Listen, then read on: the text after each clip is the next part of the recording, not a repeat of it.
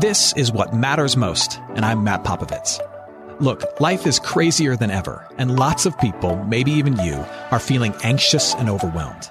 Today's message is designed to help you figure out what's most important and to experience the peace and joy that God intends for you. Because life is a gift, and it shouldn't be wasted on worry. I'd like to give you a resource, something to help you navigate the road ahead. Just go to mattpopovits.com, click on the icon, and we'll send it to you. That's Matt, P-O-P-O-V-I-T-S dot com.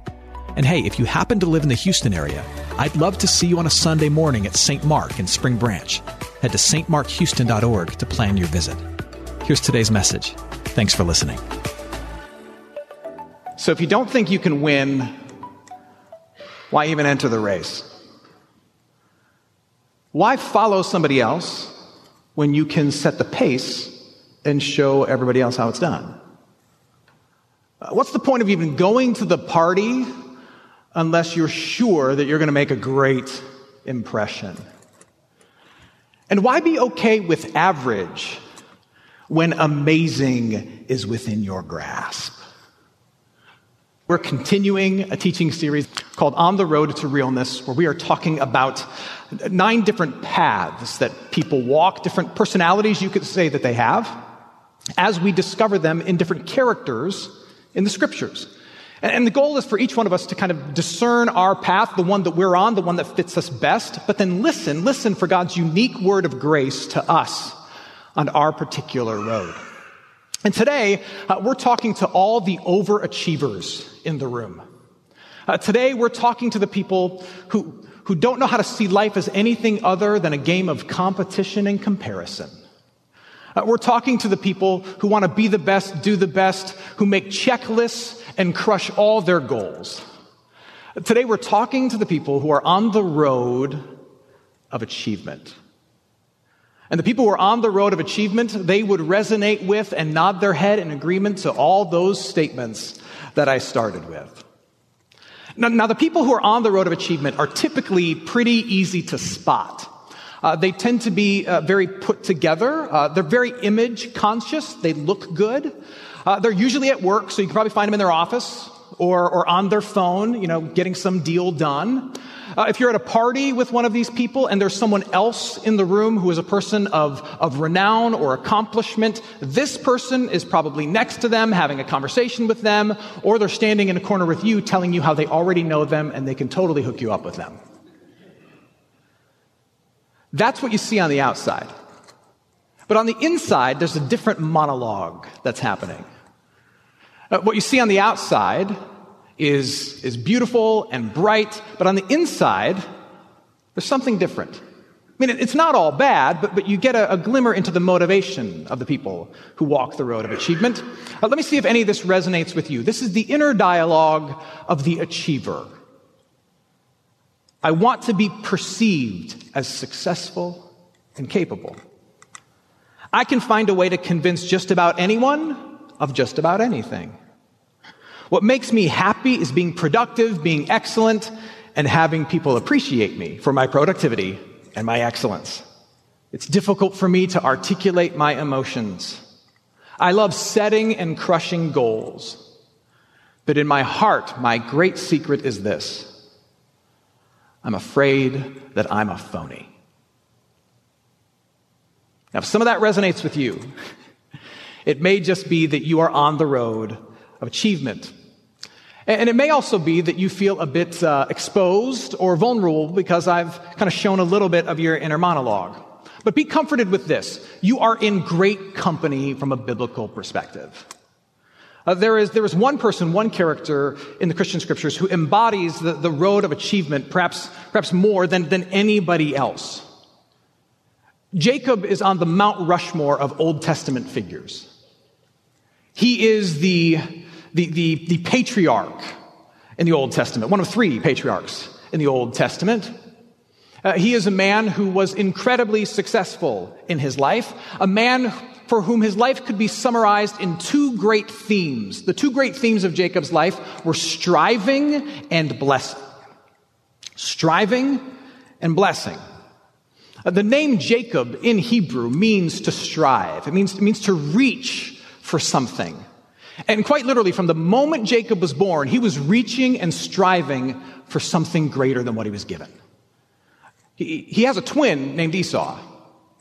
And his twin, Esau, was going to be born first. And newborn Jacob did not like that. And so, in the moment of his birth, as Esau exits the womb, the scriptures tell us that Jacob is holding onto his heel as if to pull him back to try and win the race out of the womb. Everything becomes a competition for these people. And then once he's born, he sets his sights on stealing the pole position in the family lineage. He, he convinces his older brother to give him the title of firstborn.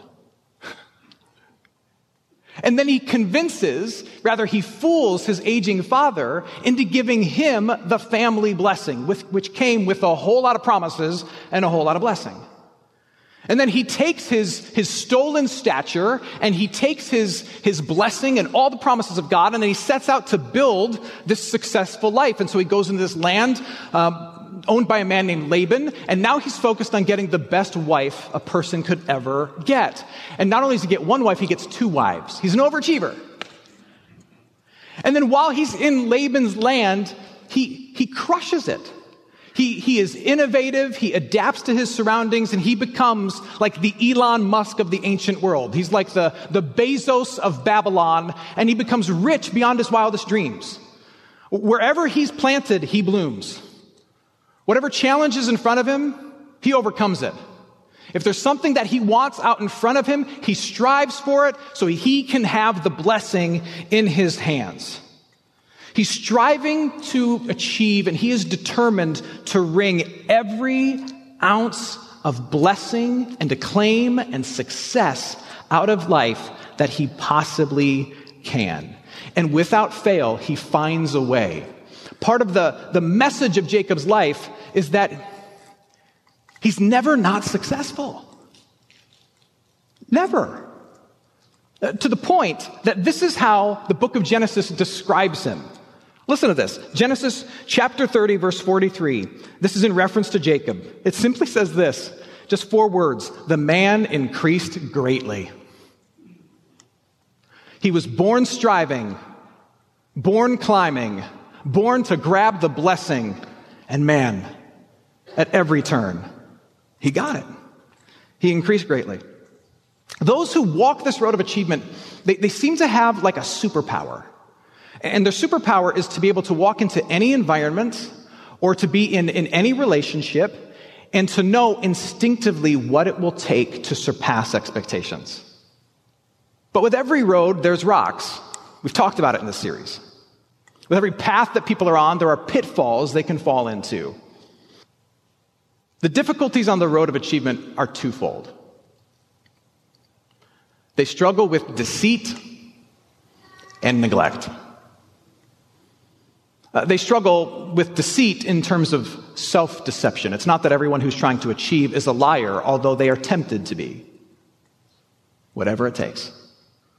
The primary deception in the life of the achiever is that they deceive themselves. And then in all of their effort and earning and accomplishing, they neglect the relationships that matter most. You, you see, if you're a Jacob, if, if, you're all about striving and attaining the blessing, then what you're saying is uh, life is about performing.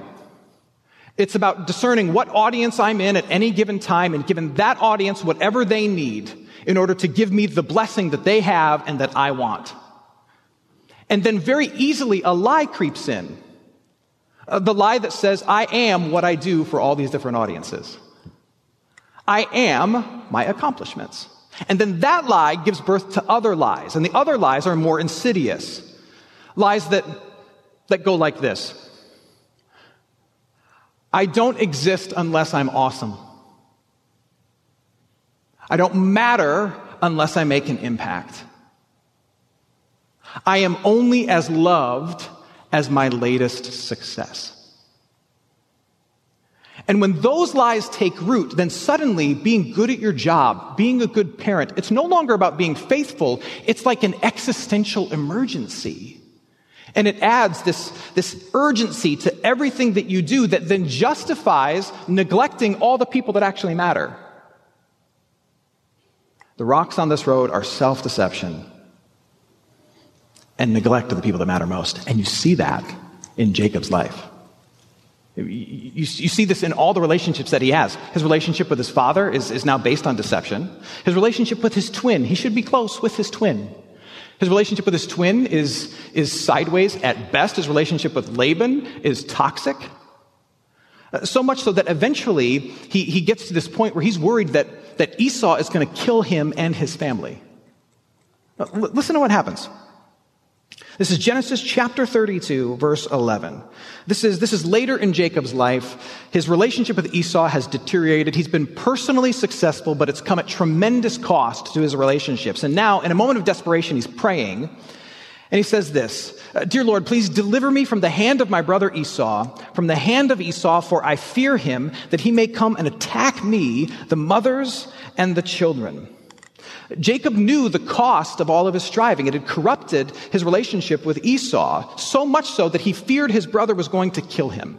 And, this moment represents like rock bottom for Jacob. When you feel that your twin, from whom you stole the blessing, is going to hunt you down and kill your family, you might need to reflect on the choices that you've made. This is rock bottom for Jacob. And in desperation, he's calling out to God to help. Now, now here's the tough truth that, that everyone who's on the road of achievement needs to hear. On the road of achievement, growth and change and maturity often only come after you journey through rock bottom. I hope you're enjoying today's message. For more of what matters most, you can head to mattpopovits.com. There you'll find other messages. You can support this ministry as well as access your free gift. Oh, and if you're looking for a local church and you live in Houston, come and see what's happening at St. Mark Houston. To plan your visit, head to stmarkhouston.org. Thanks for listening, and back to today's message.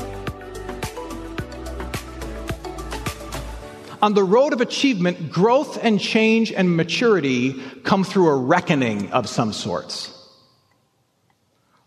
When the man saw that he did not prevail against Jacob, the man that Jacob was wrestling touched Jacob's hip socket, and Jacob's hip was put out of joint as he wrestled with him.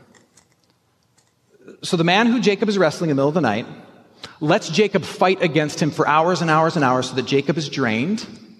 And then finally, this person that's wrestling Jacob, because it's really God, he takes his divine power, and, and in the original language, it says that he very gently, very gently just, just touched Jacob's hip. It didn't just dislocate it, but like devastated it, is what it says. So he gently touches Jacob's hip, devastates it. So now Jacob is, is wounded. He's, he's kind of marked for life. And now Jacob being wounded, here's what happens. Then the Lord said, let me go for the day has broken. But Jacob, wounded in his hip, says, I will not let you go unless you bless me. Jacob's going to Jacob, man. I got to get that blessing. Now, now, this is a bit of a strange encounter, but, but it's really powerful. Here, here's what's happened. Once, once he's touched in the hip by this divine power that obliterates his hip socket, Jacob knows who's he rest, who he's wrestling with. He knows that he is wrestling God. So Jacob is, is aware, I'm wrestling God, I'm weak, and I'm wounded, I'm already at the end of myself. And in his weakness and in his woundedness, knowing he's with God, he has the wherewithal to hold on to God and say, I need your blessing. You see, God attacked Jacob so that Jacob would awaken to the fact that God is the one that Jacob's really been wrestling with his entire life. It's not really been about Esau. It's not really been about Laban. It's not, it's not been about being successful in the eyes of the world. The one Jacob needs to come to terms with and wrestle with is his maker because it's his maker who is the only one that can give him the blessing that he really needs. The blessing can't come from getting the right spouse. The blessing can't come from getting the birthright from his brother. The blessing can't come from being successful in enterprise. It, it can't. It can only come from God. And when God tackles him in the dead of night, wounds him in the hip, Finally, his eyes are open and he says, I'm weak. I'm at the end of myself. You're the one I need. And that's the moment of transformation for Jacob. That's the moment that he's changed. Quite literally, God changes his name from Jacob to Israel, which means uh, kind of symbolically he's recreated. This is like the moment of salvation for Jacob. He now becomes Israel, which means wrestles with God. And, and God then shows him his face. God shows to Jacob the fullness of his presence, which typically kills a human being because God's so holy and we're so not. But God shows the fullness of his face to Jacob, and that, that's a sign of complete acceptance and love. Jacob now has every blessing that he's ever wanted. If you're on the road of achievement, God's aim for you is to give you the same experience. He will let you stumble. He will let you fail. He will let you be confronted with some crisis that you can't immediately overcome. He will let you be wounded so that you can see how weak you are, that you can see He's the one that you really have to reconcile yourself with, and that you can understand the blessing ain't gonna come from being CEO. The blessing ain't gonna come from crushing my goals. The blessing comes from you.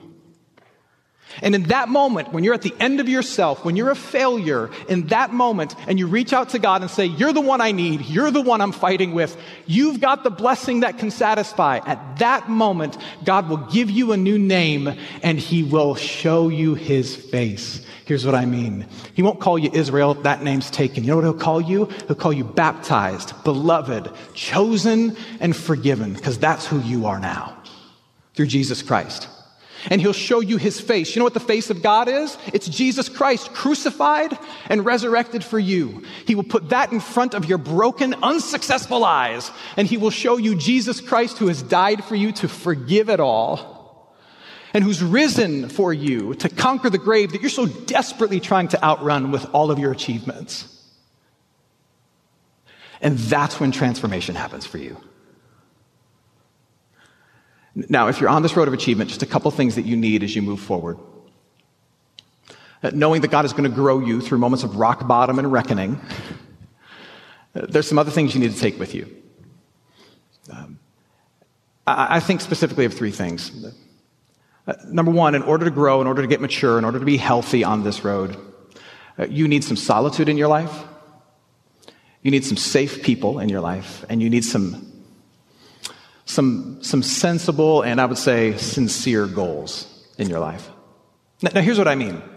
Um, because you're so focused on doing and achieving and accomplishing, very often there's, there's no space for thinking or reflection or feeling.